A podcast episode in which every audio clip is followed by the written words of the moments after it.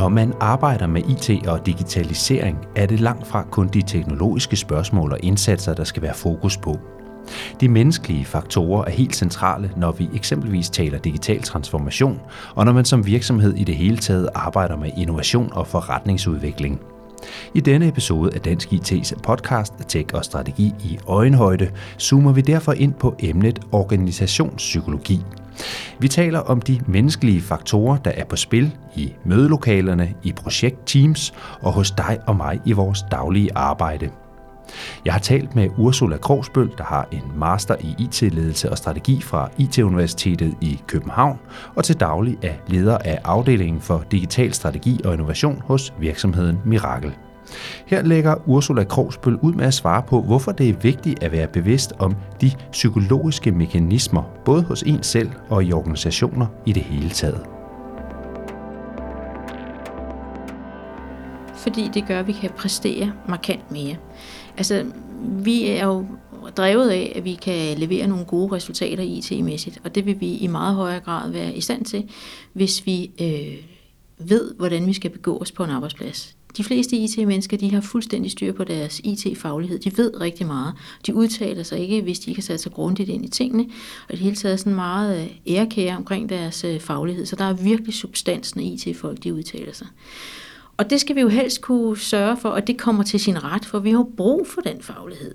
Men hvis vi ikke er super gode til at færde organisation, og ikke forstår spillereglerne, og ikke forstår de mekanismer, der er, så vil vi ikke kunne levere nær så gode resultater. Så det handler i virkeligheden om, at vores IT-faglighed kommer meget bedre til sin ret, mm. hvis vi ikke laver resultater på trods af, på trods af manglende dygtighed til at navigere, men på grund af. Mm. Så kan vi levere, og det, det gælder hele organisationen, markant bedre resultater. Man kan sige, det er jo ikke en, en del af den IT-faglige uddannelse, man har, det her med, hvordan man agerer i organisationen, men er det ikke noget, vi har som mennesker, som sådan en, en instinkt i forhold til, hvordan vi skal opføre os, og hvordan mekanismerne er? Jo og nej. Mm. Altså, det har vi selvfølgelig med os, og vi har jo også alle sammen været i skolegården, og vi har alle sammen haft legekammerater, vi har jo alle sammen nogle sociale kompetencer med os. Men det er også sådan, og det vil jeg være fuldstændig frisk at påstå, at øh, det gennemsnitlige IT-menneske er bedre begavet end resten af befolkningen, mm. sådan lidt frækt sagt. Og der følger nogle ting med, at der er også en, en mere udbredt retfærdighedssans, og der er en større fokus på at være rationel. Og der er noget, vi ikke er som mennesker, så er det rationelt. Og derfor vil man tit tabe, hvis man går ud fra, at ens omgivelser er rationelle. Så vi er nødt til at have nogle forståelser for, at vi agerer i en verden, der er fyldt med alle mulige andre mekanismer end rationelle. Så de ting, der kommer ud af et møde i et mødelokale, har ikke nødvendigvis noget at gøre med, at vi har været igennem en rationel beslutningsproces. Det vil skuffe mange IT-folk. Samtidig så er man lyder også, vi lytter nogle gange til de forkerte, når vi er i mødelokalet, og det gør vi, fordi at hvis man ikke ved så super meget, så kan man godt lyde væsentligt mere skråsikker, og det kan også blive mere sort-hvidt, og derfor noget nemmere at beslutte, hvorimod hvis man rent faktisk ved en masse, at så bliver det mere nuanceret, og derfor også lidt mere bøvlet at tage stilling til. Og, øh, og så bliver man måske lidt mindre tilbøjelig til at, at få det nuanceret med, og det kan jo godt være det, der faktisk gør en forskel på, hvor godt man rammer. Og, og man kan sige, det er jo i virkeligheden både øh, trist og tragisk for, for mig som medarbejder, som person, men også for, ja, for hele virksomheden og hele organisationen, hvis man går glip af de her nuancer i virkeligheden dem, der måske ikke virker så skråsikre, det er i virkeligheden dem, der, der, der skulle være det. Ikke? Altså, ja. Men jeg tror, der kommer man langt med bare at vide det. Det hedder Dunning-Kruger-effekten, og der er mm. faktisk nogen, der har uddelt en Ig Nobelpris i psykologi for det. Okay. Og hvis der er nogen, der ikke ved, hvad Ig Nobelprisen er, så skal I glæde jer, fordi den er virkelig sjov at browse på. Og den, øh, jeg tror, den er, den er stiftet i 91, tror jeg, og, øh, og den blev uddelt samtidig med den rigtige Nobelpris, og der er selvfølgelig et ordspil i det her Ig Nobel og så Nobel. Så det handler om ikke at være nobel, og det er gerne ting, der får en til at grine, men som man også er nødt til at tænke lidt over. Og der er det, Dunning-Kruger-effekten, den viser, jo mindre man ved om noget, jo mere skråsikker vil man faktisk øh, optræde omkring og formulere sig omkring det. Når man faktisk begynder at vide rigtig meget, så bliver det straks mere bøvlet, hvor det man i hvert fald kan sige, det er, det er komplekst det her. Mm. Og, øh, og det blev der faktisk uddelt en, en Ig Nobelpris for. Og så kan jeg sige, at der er også et sæt danske forskere, der har fået Ig Nobelprisen, og nu bliver det en lille smule weird, fordi de fik den, det var et sæt oceaner, jeg ved ikke, om det siger noget, men de fik den på at, at dokumentere og have forsket i, at sild kommunikerer ved at prøve det. Men nu kommer jeg vist til at gå lidt ud af en tangent, men ikke Nobelprisen er faktisk sjov. Mm. Ursula, du er jo øh, du har en master i IT-ledelse og strategi fra øh, IT-universitetet her i, i, i København, og så er du øh, leder af afdelingen for digital strategi og innovation hos, øh, hos den virksomhed, der hedder Mirakel. Og, og den vej igennem har du selvfølgelig noget erfaring med, hvad der fungerer og hvad der ikke fungerer rundt omkring i, øh, i danske organisationer.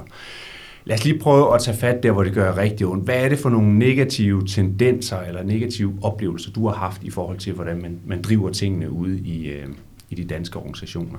Jeg ved ikke, jeg vil kalde det negative oplevelser lige frem, men sådan en slags, øh, sådan ser billedet ud mm. lige nu. Så jeg vil sige, alle er klar over, at virksomhedens overlevelse og organisationens dygtighed er fuldstændig afhængig af, om man har en god IT-understøttelse. Og hvis man ikke har en god IT-understøttelse, hvis man ikke har styr på IT-innovation, så vil virksomhedens overlevelsesevne være mindre, også markant mindre. De ved også alle sammen, og det er alle sammen smerteligt bevidste om, at tempoet er blevet et andet, så de ting, som var godt nok for nogle år siden, det er bare ikke godt nok mere. Hvis vi laver en leverance sådan til tiden og til kvaliteten og inden for nogle bestemte uger, som egentlig ser meget fornuftigt ud for fem år siden, så vil det her i 2020 blive vurderet markant hårdere. Og der bliver mm. simpelthen stillet nogle større krav til, at vi kan levere mere på kortere tid. Og hvis vi ikke kan det, så gambler vi faktisk med virksomhedens trivsel. Og det er jo selvfølgelig alvorligt, så der, altså, der er virkelig fokus på, at vi leverer varen lige for øjeblikket. Mm. Og der bliver stillet nye krav til, at vi leverer varen hurtigere og billigere. Mm. Ja, man kan sige lige nu, vi står her, det er den 21. april 2020, alt handler om corona, og, og der er især et pres på at tænke innovativt og kreativt, uanset hvilken virksomhed vi har at gøre med. Og det er jo, hvis man går helt ind til kernen, det handler om at bevæge sig ud i noget ukendt farvand på et eller andet plan. Hvordan har vi mennesker det egentlig øh, sådan helt grundlæggende med det at bevæge os ud i noget, vi ikke, hvor vi ikke nødvendigvis kender, hvordan tingene fungerer. Vi ved ikke, hvor tingene slutter hen. Og, ja.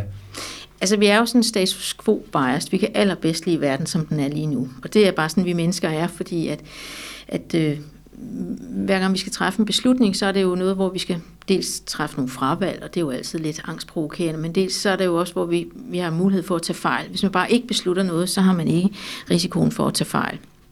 Så selvfølgelig er vi biased mod det, men lige nu, der sker der så meget, så at vi også kan finde ud af at gøre ting, vi aldrig har gjort før, og faktisk være glade for det, fordi vi også er lidt i overlevelsesmode.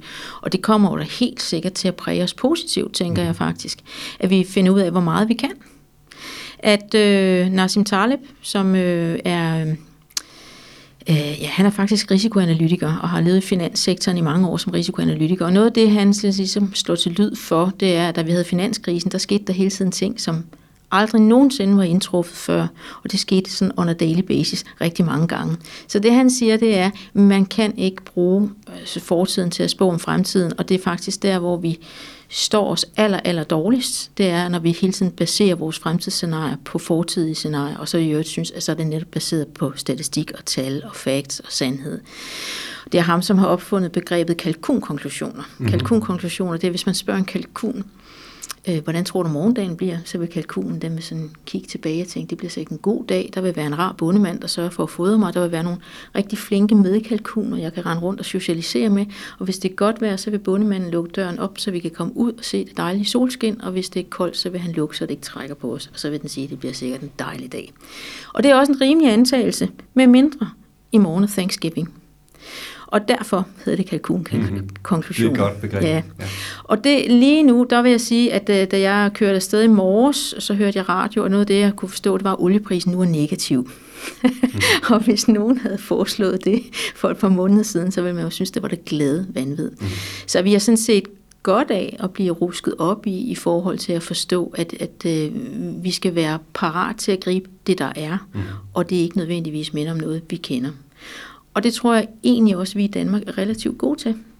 Og det tror jeg, vi vil finde ud af, og så vil det faktisk være noget, der styrker os i forhold til, at vi får, får tillid til, at vi kan godt også, når det er vanskeligt. Det tyder alt på. Men, men, og, og det er jo rigtigt selvfølgelig, at vi har godt af det, men kan man så gøre noget, både på, på det personlige plan som menig medarbejder, og også som leder, i forhold til at, at gøre folk, folk klar til den her forandring, der finder sted, og bevægelsen ud i det ukendte? Altså kan man, kan man hjælpe folk godt på vej, og hjælpe sig selv godt på vej? Altså jeg synes jo faktisk, at det skal være en, en, sådan en, en strategisk capability, at man er i stand til at være hurtig. Mm. Så det, at man arbejder systematisk med det, og snakker om, at de beslutningsprocesser, vi har, nogle gange sænker os helt vildt. Og lige for øjeblikket, der sker tingene så hurtigt, så vi er nødt til at beslutte på nye måder. Og det kan faktisk være med til, at vi overlever så vi kan lære, at øh, de der meget langstrakte beslutningsprocesser ikke er et must i forhold til at være hvad skal man sige, risikominimerende. Fordi vi har jo også en, når man kører en virksomhed, så er man selvfølgelig opmærksom på at risikominimere, for det er jo ikke noget, man leger. Mm. Så man har jo også et ansvar for medarbejdere osv., osv. for at det her, det kører fornuftigt. Men at nogle gange, så diskuterer vi også tingene så lang tid, så vi i virkeligheden bare slipper for at træffe en beslutning. Og der kan vi egentlig komme langt med bare at prøve tingene af. Og lige for øjeblikket, der er der jo rigtig mange ting, der bare bliver prøvet af, mm. fordi at det kunne gå hen og være en god løsning. Så jeg tror faktisk godt, at vi kan få en masse tillid til, at vi er gode til at få prøvet ting efter, og så vil det faktisk vise sig, at det lykkes rigtig godt. Det er den vej, vi skal. Vi skal holde op med at og hele tiden bede om at få lavet en ny analyse, fordi analyser baserer sig på historiske tal. Mm. Og øh, ligesom man sagde i gamle dage, at der er ingen, der er blevet fyret for at vælge IBM, så er der heller aldrig nogen, der er blevet fyret for at bestille en analyse. Og øh, samtidig så må vi sige, at vi analyserer jo stort set altid på historiske tal, så hvor langt kommer vi egentlig i forhold til at risikominimere. Mm. Og Nassim Taleb, han snakker også om, at vi, ideen om at være robust er selvfølgelig meget god. Det er, når man sådan ligesom konsoliderer sig og sørger for, at man også har nogle likvider, og man kan betale lønninger med. Det er, det er faktisk ikke så tosset. Men det, vi skal hen til at være, det er antifragile. Mm. Det vil sige, at vi ligefrem vokser når vi er ude i en krise. Så vi ikke bare er robuste i forhold til at kunne tage nogle tæv, men at vi faktisk øh, kan noget i forhold til at blive bedre af det. Og der tror jeg måske godt, at vi kan få nogle virksomheder, som når vi når frem til 2021, har opdaget, at de havde nogle skills eller nogle capabilities, de slet ikke var klar over, de besad, mm. og nogle succesoplevelser der. Ja, på den måde kan det sætte gang i en, en hel bevægelse, det her, øh, så, så der kan i virkeligheden komme noget positivt ud af al elendigheden. Ja, det kan der. Hvis vi lige prøver at zoome ind på sådan øh, for, for lytterne her, som jo typisk er ja. nogen, der arbejder professionelt med øh, IT øh, og digitalisering, ofte foregår det jo i nogle projektteams, altså man har et eller andet givet projekt, man skal drive, og så bliver der sammensat en, en gruppe her, nogle mennesker fra nogle forskellige afdelinger, selvfølgelig nogle fra IT-organisationen, men også nogle fra andre dele af forretningen. Hvad, sådan et, et projektteam, er der noget, man skal være særlig opmærksom på, når vi taler organisationspsykologi? Øh, altså er der nogle mekanismer, som man bør have for øje, når man øh, giver sig i kast med sådan et projektarbejde? Ja, altså, vi er jo allergladest for at omgås nogen, der er med til os selv, fordi mm. der er ikke så mange diskussioner, så vi kan vældig godt lide at blive bekræftet. Det vil sige, at vi helt automatisk vil opsøge folk, der mener det samme som os, og måske også lidt kan det samme som os. Men når vi arbejder projektteam, har vi jo netop brug for diversitet. Vi skal også prøve at arbejde lidt med det der med, at vi synes, det er så naturligt, at vi kan forlange, at der skal være god kemi. Og vi synes ligefrem, det er sådan et ansættelseskriterie, at der skal være god kemi, ellers så nytter det jo ikke noget. Men hvis vi lige prøver at tænke os om, så har vi de fleste af os, i hvert fald hvis vi er ærlige over for os selv, kolleger, som vi måske ikke er helt vilde med. Og det er jo ikke det samme, som vi ikke kan anerkende, at de faktisk kan levere nogle super fornuftige resultater, eller har en eller anden viden, som virkelig er god. Så vi skal blive markant bedre til at omgås mennesker, som ikke er man til os selv, og ikke stille krav om, at der skal være god kemi, men måske bare anerkende, at folk faktisk har nogle skills, som der er brug for, og nogle inputs, som der er brug for. Så jeg vil sige, at den største risiko, man har, det er faktisk, når vi bliver meget ens, for mm. så er der ikke nogen, der siger fra, og der er heller ikke nogen, der kommer med modspørgsmål. Men det er altså en trend, at det, altså, fraværet af diversitet, det kan man øh, dokumentere på 117 måder. Det er ikke længe siden, at der i, i Jyske Bank for eksempel var 21 ud af 21 i koncernledelsen, der var mænd, for eksempel. Det kan man prøve at tænke lidt over. Mm-hmm. Øh, og og øh, altså sådan noget er jo ikke et tilfælde. Det er fordi, at det, det, det er folk, man trives godt med. Mm. Så, så synes man også, de er fornuftige. Men nogle gange, så skal man jo prøve at invitere dem ind, man ikke har sådan lige så naturlige bonds med, altså lige så naturlige øh, måder at relatere sig til hinanden på, simpelthen fordi det er det, der giver dynamikken. Mm. Og det tror jeg ikke, vi er ret gode til. Vi er, Nej, det er jo i virkeligheden også, nu, nu, nu, nu sætter du den op der med mænd kvinder, som er jo sådan den klassiske. Ja, men det er jo så, så nemt at komme med. Det, vel også, ja. det er jo alder, og det er Lige præcis, øh, uddannelsesmæssig baggrund, og det ja. væremåde i det hele. Så, ja. altså, ja meget af det her, det, det falder jo tilbage på behovet for at arbejde med kultur og mindset i en uh, given uh, virksomhed, og hvor vi, vi har behov for at facilitere nogle forandringer eller en udvikling af den kultur, der er. Har du nogle gode råd eller fif til, hvordan kan man Hvordan kan man facilitere sådan en kulturforandring, også fra et ledelsesperspektiv? Der er jo nogen, der skal få de her ting til at ske. Altså det er jo noget af det aller, aller sværeste, fordi kultur det er jo ligesom det, vi er, og det er det, der er allersværest at ændre på. Men det kan så også være det, der er allermest brug for at ændre på, fordi kultur er faktisk afgørende for, hvad vi overhovedet er i stand til at præstere. Så hvis vi nu forestiller os, at vi for eksempel har en kultur, hvor det sådan er, er, er fint og anerkendt, at man har meget, meget travlt, så vil det jo også blive en, en, en virksomhed, hvor der sjældent er plads til innovation. Og det vil jeg faktisk være fuldstændig fræk at påstå, at hvis man altid er kørt lidt ud i tårne, og altid arbejder efter klokken 4 og inden klokken 9, fordi mellem 9 og 4, der har man væk til væk møder, så skal man ikke regne med, at der forekommer noget innovation der. Man skal heller ikke regne med, at hvis man ser sådan nogle symptomer, som at folk besvarer e-mails på mærkværdige tidspunkter, og øh, i det hele taget måske begynder at deltage i alle møderne med computer og med telefon, og altid kommer lidt for sent til møderne, og ligesom hele tiden er to steder på en gang. Sådan en virksomhedskultur, den understøtter, at vi kun kan lave ting, som vi plejer at lave. Altså vi kan kun lave day-to-day operations, vi kan kun understøtte virksomheden ads eds, for vi kan kun lave rutinebaserede opgaver. Mm. I samme øjeblik, at vi skal lave noget, som, som stikker lidt ud, eller som faktisk peger i nye retninger, så skal vi have båndbredde til det.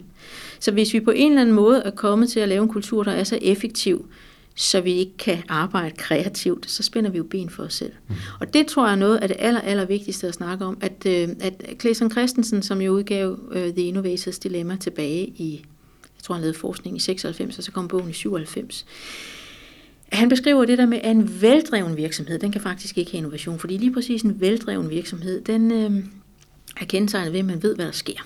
Og hvis man ved, hvad der sker, så bliver der jo ikke lavet andet end det, man har bestilt. Mm. Så hvis man skal lave innovation, så er man nødt til at have det ude i en anden virksomhed. Fordi hvis det ikke er ude i en anden virksomhed, han vil have det til at ligge i en anden stat, for den luksus har man jo, når man er amerikaner, men det skal simpelthen ligge på den anden side af en statsgrænse, for ellers så får man forurenet den her virksomhed, der så måske godt kan lave innovation, som man har tilkøbt, med sin egen governance-praksis. Og lige så snart det kommer ind i en governance-praksis, så forsvinder al innovation.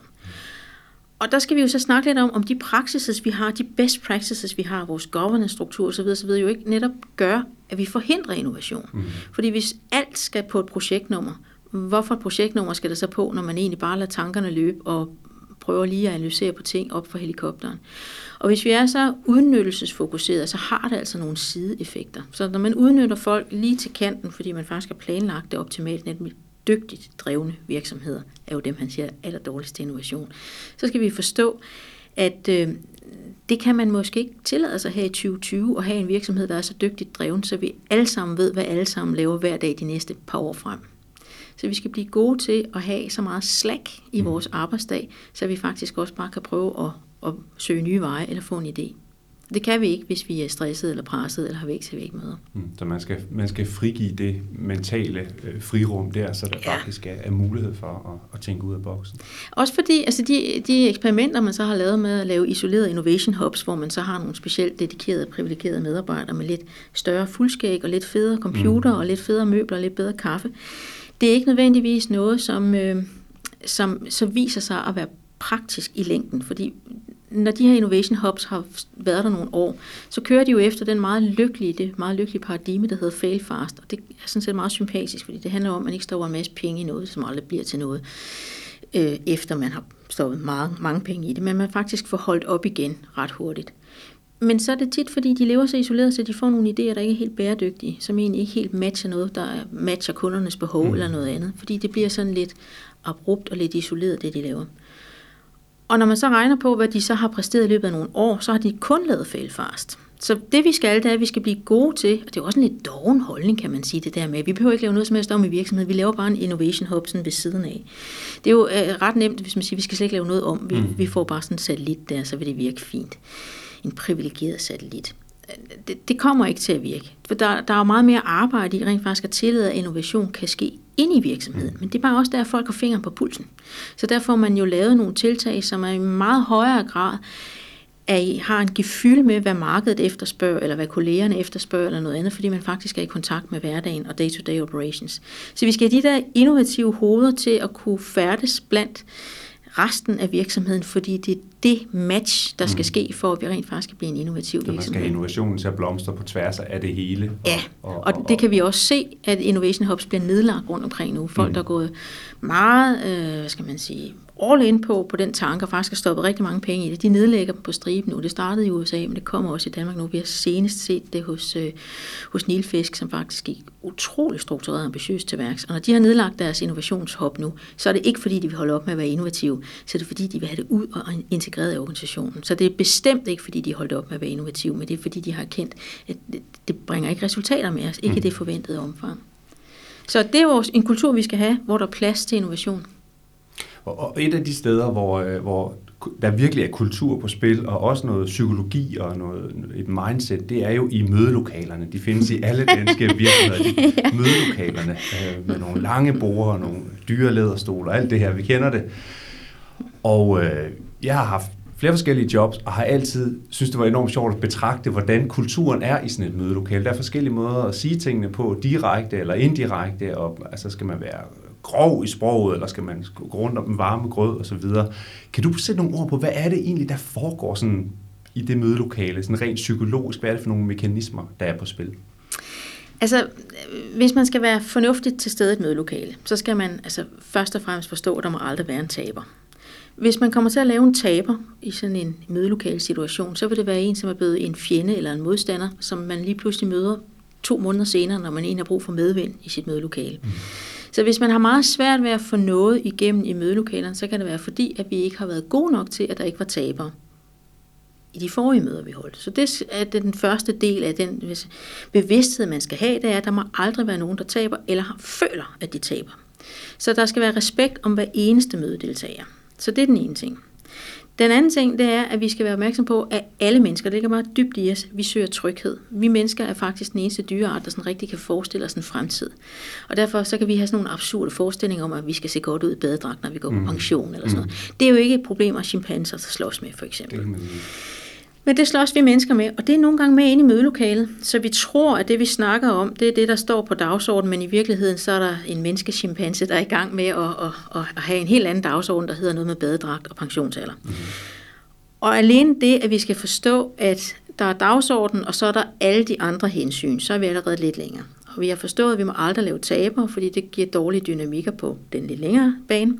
Så, skal vi, så kan man også være, man kan sige, at man kan være i fire forskellige emotionelle modes, og det er vi altid alle sammen, også mig, også dig. Mm-hmm. Øh, og det kan man så være mere eller mindre. Så hvis man nu er i forsvarsposition, vi forestiller os, at man har været med til at beslutte noget, som var en løsning for fem år siden, og nu skal der så komme en erstatningsløsning. Hvis man så oplever det som lidt en kritik af det, man besluttede for fem år siden, så kommer man jo i en forsvarsposition. Og der skal vi altså være gode til at sige, at billedet var et andet for fem år siden. Der var muligheder nogle andre, og, og vores analyse var en anden. Nu er der sket noget. Så det, der har tjent os godt i fem år, så har vi jo allerede respekten for den beslutning, der var, så behøver man jo ikke forsvare den. Så ens kollega slipper for at gå i forsvarsmode, mm. hvis man starter med at anerkende, at den eksisterende beslutning var god, den er bare ikke tidsvarende så er der jo allerede ro på sættet, for det er jo okay, at ting ikke er, tidsvarende 100 år frem. Så kan man altså, hvis man ikke er i forsvarsmåden, så kan man være bekræftelsesøgende. Vi vil altså være det hele, men mm. bare i varierende grad i forskellige situationer. Og det betyder bare, at vi vil gerne være en del af holdet. Så vi skal være meget opmærksom på, at de kolleger, vi har i mødelokalet, oplever, at de er en del af holdet og en del af det, den løsning, der skal sættes. Hvis vi oplever det, så vil vi være meget, have meget mere lyst til at sige ja, fordi vi er jo nogle af dem, der skal få det her til at ske, og det er meget positivt. Så har vi sådan den vanskelige situation. Det er, hvis folk er meget principfaste. Hvis man er meget principfast, så er det næsten altid fordi, at man har taget fejl. Mm. Hvis man har taget fejl, så kan det være lidt svært at rumme, og så går man altså lidt i baglås. Ja, og hvis det kender man... vi jo godt hjemme fra, fra køkkenbordet og over aftensmaden, at man kan komme til at være for principfast. Ja, ja, og det er næsten altid, når man har, mm. har jogget lidt i spinaten, mm. og ikke har fået tænkt helt rigtigt, så er det bare et princip. Men øh, det, det er sådan, at vi, vi kan rumme det inde i os selv. Og, og i hvert fald så vil jeg sige, hvis man møder nogen, der er meget principfaste, så er det værste, man kan gøre, det er at køre løs med rationelle argumenter. For det er jo bare netop, hvis man har taget fejl, at det er jo mega irriterende at blive mødt med en by af rationelle argumenter. Så de principfaste skal sådan set også anerkendes for deres princip. Man skal anerkende og høre det, det giver jo også rigtig god mening, men det kan godt være, at vi lige her skal vælge at afvige det princip, fordi principper er selvfølgelig gode 90% af tiden, men nogle gange er der jo også undtagelser. Mm. Eller den har tjent os godt. Hele tiden lige respektere, hvad der er, så der ikke er nogen, der taber ansigt. Mm. Det kan også gå så meget i baglås, så der er en, der ligesom overtager situationen i mødelokalet. Så skal man være god til at få det lukket ved at sige, at nu har vi fået øh, tænkt os om, og vi har fået nogle forskellige synspunkter på bordet. Nu synes jeg, at vi tager en time-out, og så mødes vi igen i næste uge. For ellers så vil den principfaste måske overtage hele mødet. Mm.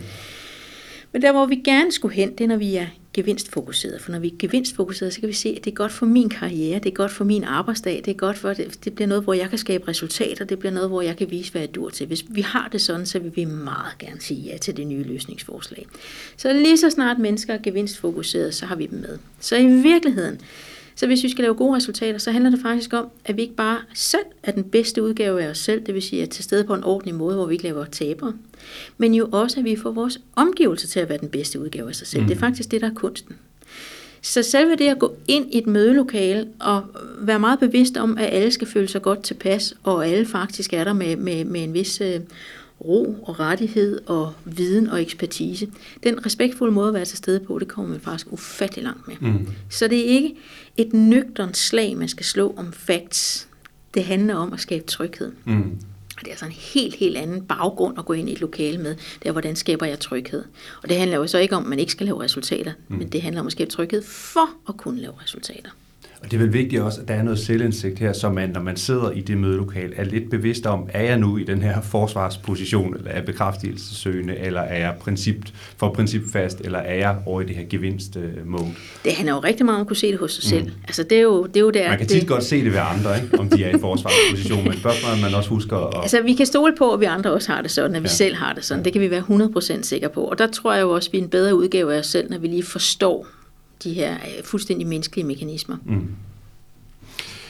Ursula, vi har været godt omkring her, og, og, og, og, og der er jo mange gode pointer og ting, man kan være bevidste om. Jeg kunne godt tænke mig at, at bede dig om at give, give nogle bud her, eller nogle, nogle gode råd her afslutningsvis, til hvordan øh, jeg som person, jeg som menneske, det er jo uanset om jeg er med, menig medarbejder, eller leder, eller, eller direktør for hele butikken, kan arbejde med mig selv. Altså, hvad er det, jeg skal gøre, hvis jeg gerne vil gå på arbejde i morgen og være et et bedre menneske, der ligesom er, er, fagner de her mekanismer, som du står og beskriver? Hvordan kommer jeg i gang? Jamen, jeg tænker, at det starter med, at man forstår, at der faktisk er noget at komme i gang med, at vi alle sammen ligger under for det. Men altså, jeg kan sige sådan noget som, det der gør, at for eksempel strategi er super svært at implementere. Det er, at de fleste synes, at det vedrører de andre afdelinger, ikke os. Så altså, hvis, hvis, øh, hvis man for eksempel spørger øh, svenskere, om de er gode til at køre bil, så vil 78 procent af dem mene, at de er bedre bilister end resten af svenskerne. Og det er alligevel en høj procentdel. Det bliver endnu værre, hvis man spørger amerikanske lektorer. Der er det 94 procent af dem, der synes, de underviser bedre end deres kolleger. Og så er der lige franskmænd, jeg synes, vi skal have den med, der mener 82 procent, at de elsker, bedre elskere end, end mm. de øvrige franskmænd. Så derfor, når der kommer sådan noget, hvor nu skal vi ændre vaner eller gøre noget på en ny måde, så vil man tænke, ja, det trænger de godt nok også til ned i indkøb. Det bliver rigtig godt, hvis de også lige kunne blive lidt mere hurtige på aftrækkeren. Man tænker sjældent, det er nok innovationsafdelingen, de taler om, der kunne vi vist godt blive bedre. Så lad os starte med at erkende, at det er en menneskelig ting, at man ikke i så høj grad opfatter behovet for forandring hos sig selv. Mm.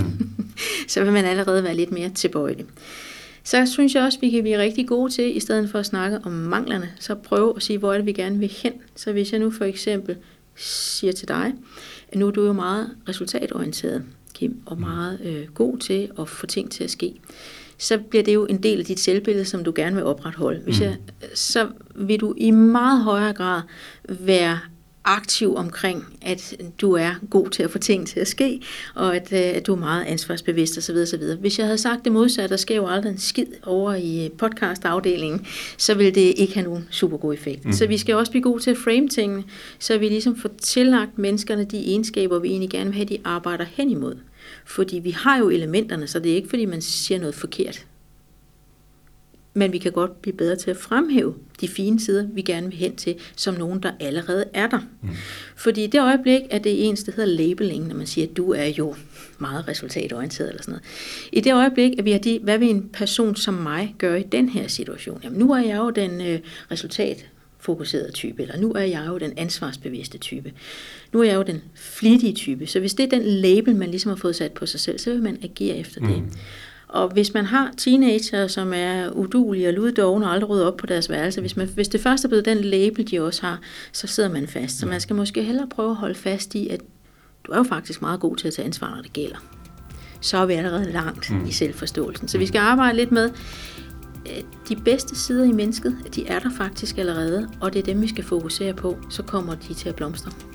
Det lyder meget hippieagtigt, jeg er ked af det. Ikke desto mindre. men lad, det, lad, det, det være, lad det være den sidste, det sidste gode råd og den, den sidste gode betragtning her i, i podcasten. Tak fordi du var med. Det var en fornøjelse. Tak skal du have.